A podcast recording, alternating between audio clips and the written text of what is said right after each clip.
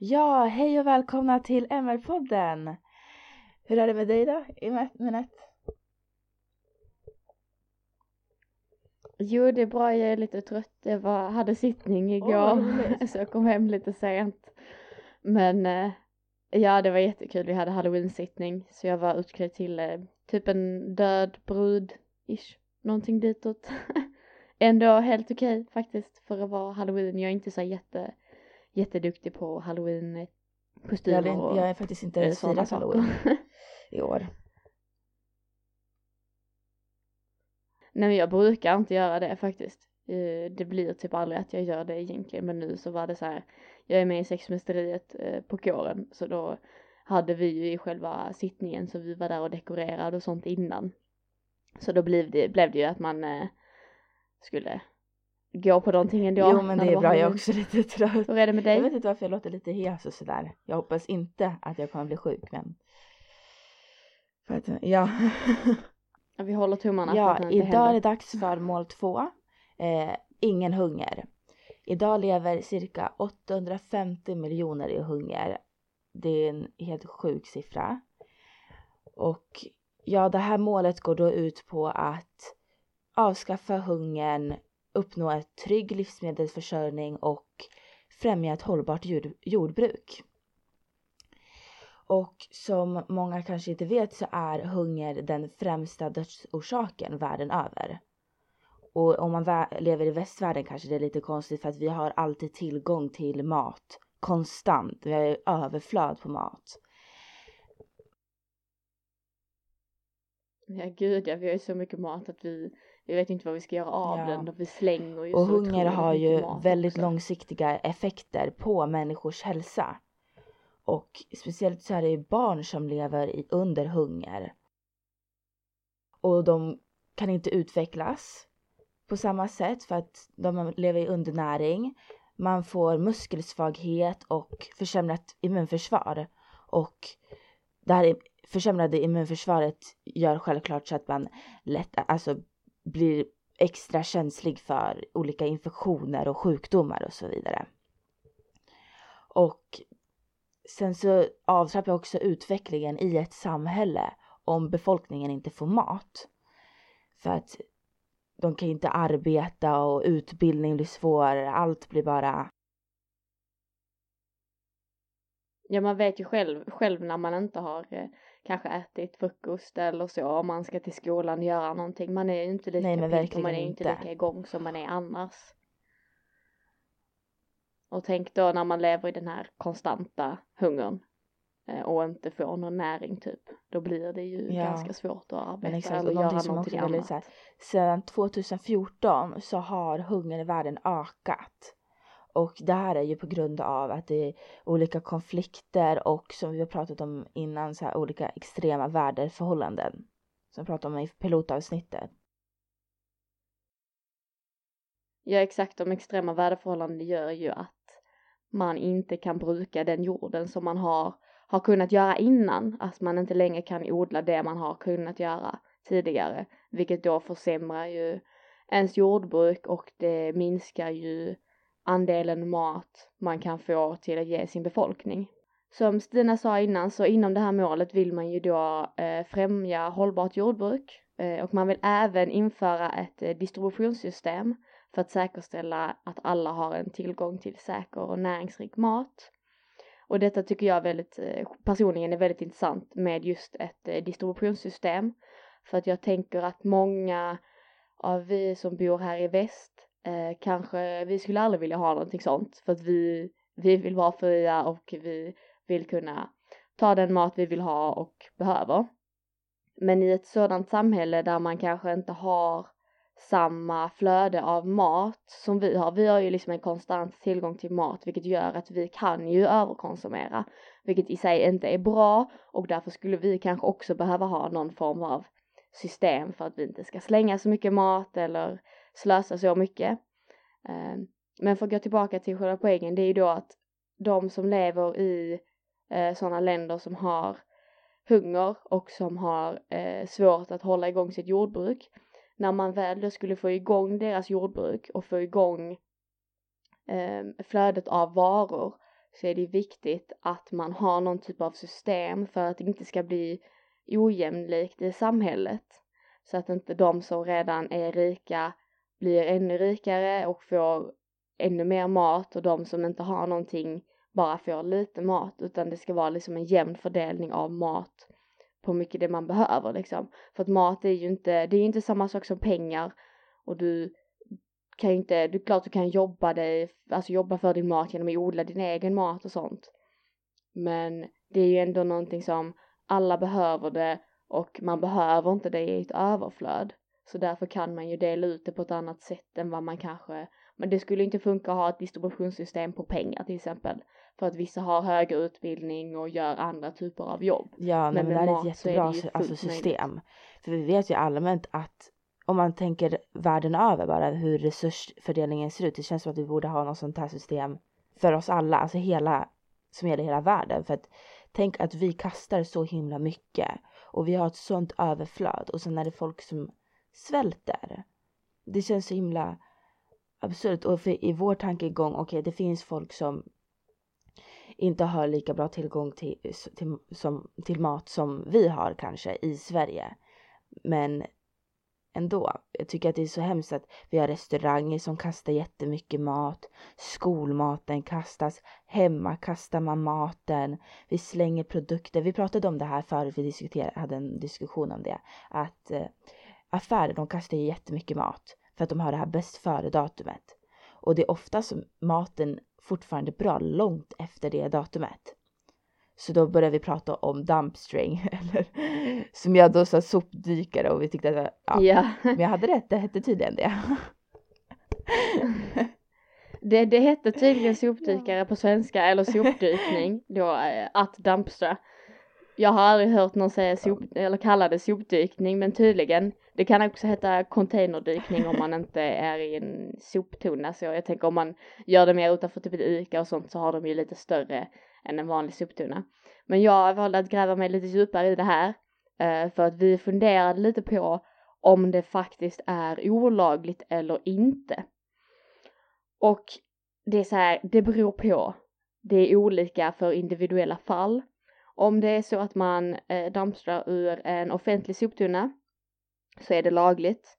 Men soptunnor eller containrar som är på inhägnat område, även om det inte är låst, det är olagligt. Till exempel utanför ICA-butiker så brukar de ju ha sina containrar innan, innanför någon form av staket eller galler eller så, men det kanske inte är låst. Men om man då skulle gå in där och ta, då räknas det som olagligt.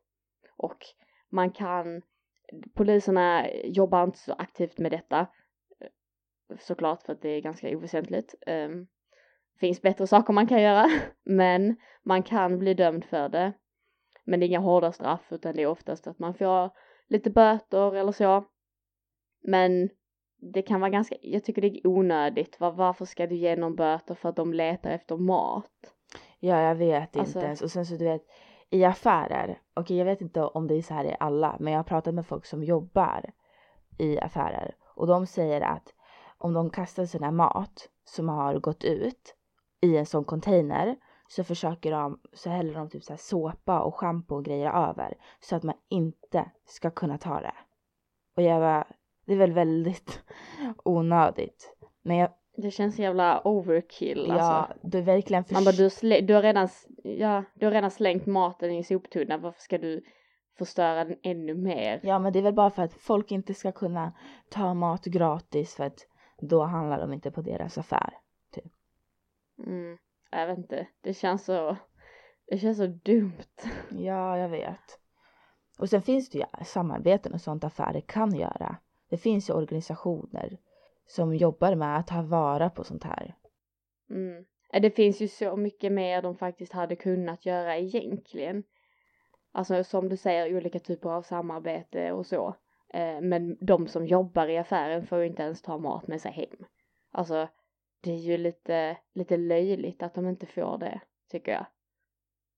Ja, och sen som många vet så är ju det här en mänsklig rättighet. Man ska inte gå hungrig. Eh, och det går då ihop med artikel 3 som är rätten till liv, frihet och personlig säkerhet samt artikel 25 att var och en har rätt till en levnadsstandard tillräckligt för den egna och familjens hälsa och välbefinnande. Och det här tycker jag är väldigt viktigt att man inte glömmer bort det här är någonting som är väldigt, väldigt fundamentalt och det är fortfarande någonting som vi inte har uppnått än. Det är ett mål som Sverige inte ens har uppnått. Och det är så himla, det är en mänsklig rättighet.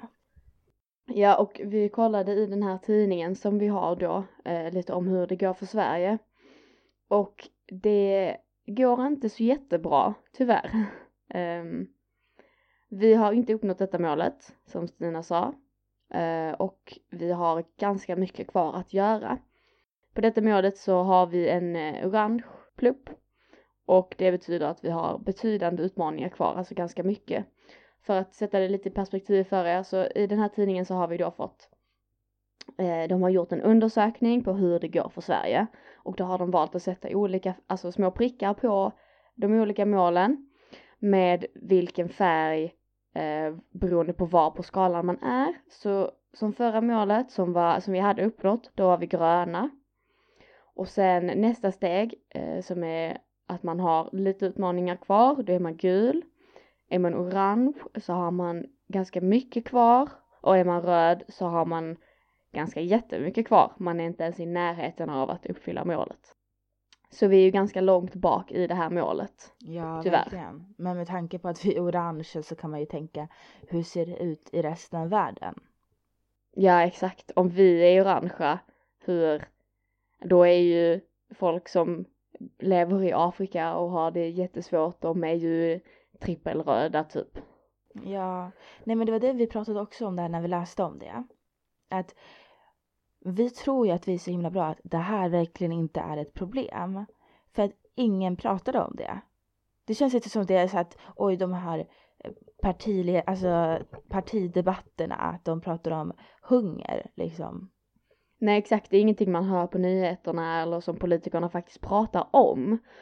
Utan detta är bara någonting som vi själva kanske ser i reklamer för eh, Unicef eller UNHCR som pratar om barn som svälter på, i olika delar av världen och, och så. Men det är liksom en kort reklam på kanske max två minuter eh, som de flesta människorna inte ens tittar på utan de bara, äh, nej men jag går och gör något annat så länge medan jag väntar på att mitt program ska börja igen. Ja, men det är som att det är så långt bort från oss. Men det är verkligen inte det. Fast om man tänker efter också så kan man förstå att alla, det är klart att alla inte har samma tillgång till mat. Folk har ju eh, hemlösa, alltså. Ja precis, men jag tänker också för det är så här, detta målet känns allmänt inte så omtalat eh, som till exempel, som till exempel det första målet. Eh, för att där handlar det om pengar och pengar är allting i vår värld och det är det vi pratar om alltid. Så det känns, ja det känns ju som att folk ändå vet om att folk inte har pengar och är fattiga och sånt. Men man tänker inte vad den här fattigdomen gör. Fattigdomen gör ju att du inte kan få mat. Alltså har du ingen hunger. Jag menar jag har ju heller lite mindre pengar och har en mätt mage. Men de har ju ingenting av det. De har ju inte tillgång till någon mat.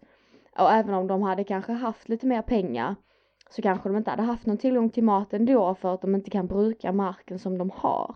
Och det är det vi pratar om också, det är därför det uppstår så här barnarbete och så som vi pratade om förut. För att de måste verkligen få tag på mat. De måste bara kunna överleva, ha de här fundamentala grejerna för sin överlevnad. Ja exakt, det behövs göra så mycket liksom.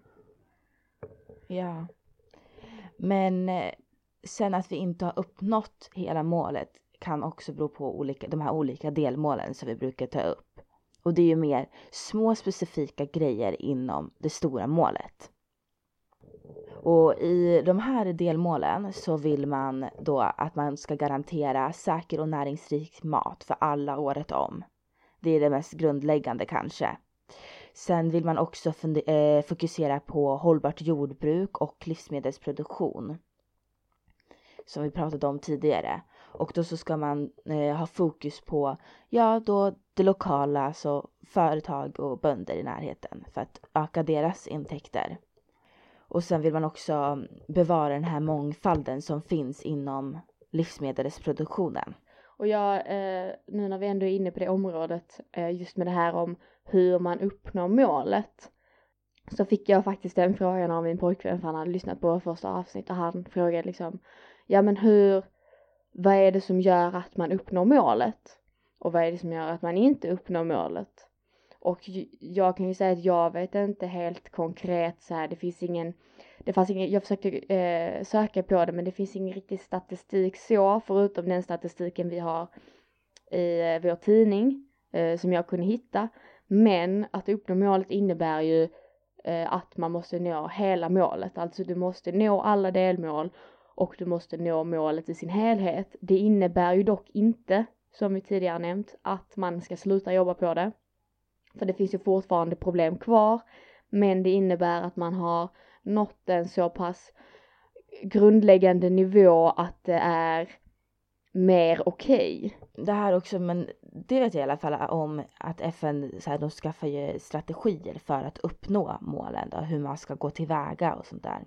Och för det kan ju också vara svårt att veta exakt hur man ska göra, speciellt vi som individer och så är lite så här, hur ska vi stoppa, alltså göra så att det inte finns ingen hunger i världen. Men det FN har pratat om att de vill göra är att då skaffa ett bättre internationellt samarbete och att man ska ha en bra infrastruktur, eh, infrastruktur i landet då, speciellt på landsbygden för att man då ska främja marknaderna på jordbruket. Eh, och sen så vill de inte heller att det ska finnas några handelsbegränsningar. Och man vill därför avskaffa eh, sådana här exportsubventioner för jordbruket. Och eh, förhindra att det eh, skapas ojämna livsmedelspriser. Det är ju lite konkret vad, alltså hur de vill gå tillväga. Sen är de här, de här grejerna är lite svåra för individen att ta till sig. Men vi kommer, vi kommer återkomma lite senare i avsnittet om vad du själv kan göra för att bidra. Men vi tänkte vi skulle prata lite om vad FN gör i sina projekt. Och det finns ett eh, livsmedelsprogram eh, inom FN som heter World Food Program. Och de som jobbar inom detta eh, programmet åker ut till konfliktdrabbade områden, eh, oftast eh, för att där är begränsad tillgång till mat. Och då åker man ut och lämnar mat till folket, vilket är fantastiskt. Man eh, utbildar bönder om hållbart jordbruk och man ger även gratis skolmat till barn. Under 2017 levererade det ut skol skolmåltider till 18,3 miljoner barn i 71 olika länder. Alltså detta är ju helt fantastiskt. Verkligen. Man blir så glad att det finns folk som verkligen, att det går framåt för att det känns som att vi, att det inte händer någonting ibland. Men det här är bevis på att man faktiskt gör någonting. Det sker. Exakt och att det faktiskt finns folk som verkligen hjälper till konkret på plats. För att jag menar vi sitter ju här i Sverige lyckligt lottade och lever ett liv liksom. Vi försöker ju bidra på vårt eget sätt. Men att kunna vara där och faktiskt vara och ge ut maten måste kännas så fantastiskt för de som gör det. Det måste verkligen kännas som man gör skillnad.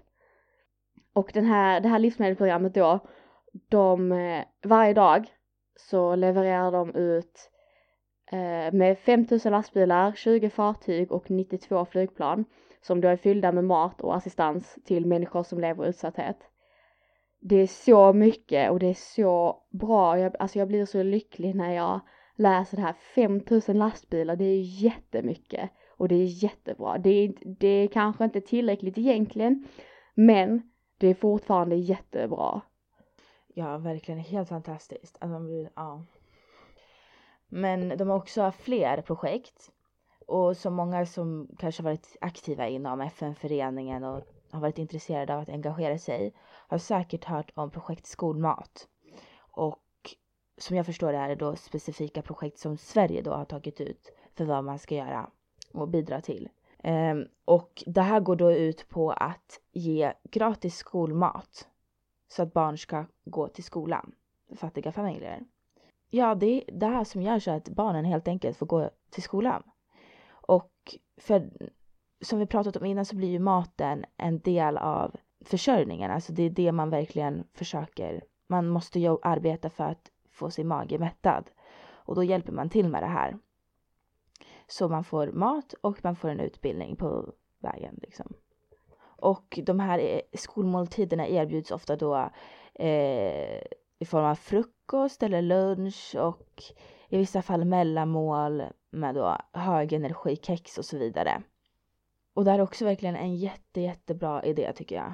Så att jag tycker att man ska, om man är intresserad av de här projekten så ska man läsa på mer om dem. Ja absolut. Och kanske skänka någonting till dem för det är jätteenkelt. Det är bara, de har ett swishnummer som man bara kan skicka iväg så att Lika enkelt som du kan eh, swisha för din öl på klubben så kan du swisha eh, pengar till eh, projekt skolmat. Exakt. Går lika snabbt, kostar eh, lika mycket som en dyr öl. Vad väljer du? En dyr, en dyr öl eller eh, att ge någon mat? Och en annan väldigt viktig grej är att de också använder varor som då har producerats lokalt för att hjälpa deras lokala jordbrukare. Så det är också en grej som den är bra, det här projektet är bra på så många aspekter. Mm, det, det går ju verkligen in i flera mål, eh, det här projektet liksom. Det främjar ju verkligen väldigt många olika saker. Vad man annars kan göra om man inte vill donera pengar till de här två programmen är att eh, man kan donera mat och livsmedel eh, till kanske flyktingförläggningar, flyktingförläggningar eller eh, andra ställen där det finns människor som är utsatta. Något annat man kan göra som jag tycker är väldigt kul, det är att spela Free Race. Det är ett spel som är gjort av FN och när man svarar på en fråga så skänker man 10 riskkorn till FNs projekt som rör hunger i världen, då till exempel eh, projekt skolmat och eh, det här World Food Program. Och det tycker jag är jättebra för att spela ett spel är någonting man kan göra liksom när som helst. Du har ändå telefonen i handen. Istället för att scrolla Instagram när du går på toaletten kan du spela Free Race. Skänk lite riskkorn. Det är liksom, det är inte så svårt. När du sitter på bussen på väg till skolan eller när du sitter på en föreläsning som är sjukt tråkig så kan du skänka lite riskorn. ja men det, det är faktiskt roligt, jag laddade ner det ju för du tipsade mig om att det fanns en app på telefonen. Så satt jag på tåget och det finns ju massa så olika kategorier man kan välja och så här. Och man lär sig massa grejer. Ja det är skitbra. Ja hur? gud ja, man lär sig jättemycket och det finns som sagt som Stina sa, det finns jättemånga olika kategorier som man kan välja mellan så man kan eh, eh, plugga matte, man kan plugga språk, man kan plugga engelska, man kan plugga geografi tror jag, kartor, man kan även kolla hur duktig man är på målen. Svara lite på frågor om målen och så. Så det är verkligen en jättebra, ett jättebra spel och det finns ju som sagt som en app som man kan ladda ner. Så det är bara att söka i App Store eller i Google Play Store, heter det väl? Ja, nu heter det det i alla fall. Söka bara Free Rice Mm. så kommer den upp. Verkligen. Skitbra. Och sen har vi ju då pratat mycket om, som vi har nämnt tidigare, att man inte ska kasta mat. Det tycker jag verkligen är prio ett. Om du köper mat i affären till ditt hushåll, se till att det är det ni använder. Om du tar mat, ät upp det. Och det är sådana enkla grejer och kolla inte bara på bäst före-datumet. Kolla så att varan verkligen är så här dålig. Vad säger de? Smak, vänta, lukta, smaka, kolla, jag vet inte. Nej, det borde vara, det borde vara, vänta, det borde vara kolla, lukta, smaka väl? Ja, så Borde det kanske- vara i den ordningen tänker jag. ja. Jag tänker du kan ju inte, du behöver inte kolla efter du har smakat. Nej, kanske. Ja, jag är lite det är på morgonen. Nej, jag ska. Ehm, och sen har vi pratat mycket om att man ska köpa närproducerat. Genom hela målet så har ni hört att man ska stötta det lokala, sina lokala bönder och försöka uppnå en hållbar livsmedelsproduktion. Mm, exakt, och just det här att stötta lokala och köpa närproducerat handlar inte bara om att man ska, just som vi sa, stötta de som är, jobbar här i Sverige, utan man ska även, det, det bidrar ju även till ett mer hållbart eh, jordbruk för att man inte behöver transportera maten på samma sätt, så det bidrar till växthuseffekten och klimatförändringarna. Så det går ju lite hand i hand med det också, så det är ju flera bra saker med det. Och sen en grej som jag bara vill säga extra tipsa om. Det är att om man är intresserad av det här, alltså att hjälpa bidra på något sätt. Så tycker jag verkligen att man ska kolla. Om ni kanske har stött på dem på stan. Det finns många som går i så här Unicef ehm, kläder och berättar om konflikten i Jemen. Säger ju Unicef. Och de vill då att man ska skänka 120 kronor i månaden. Jag tror att det kan vara mer eller mindre, man kan nog anpassa det efter sitt egna.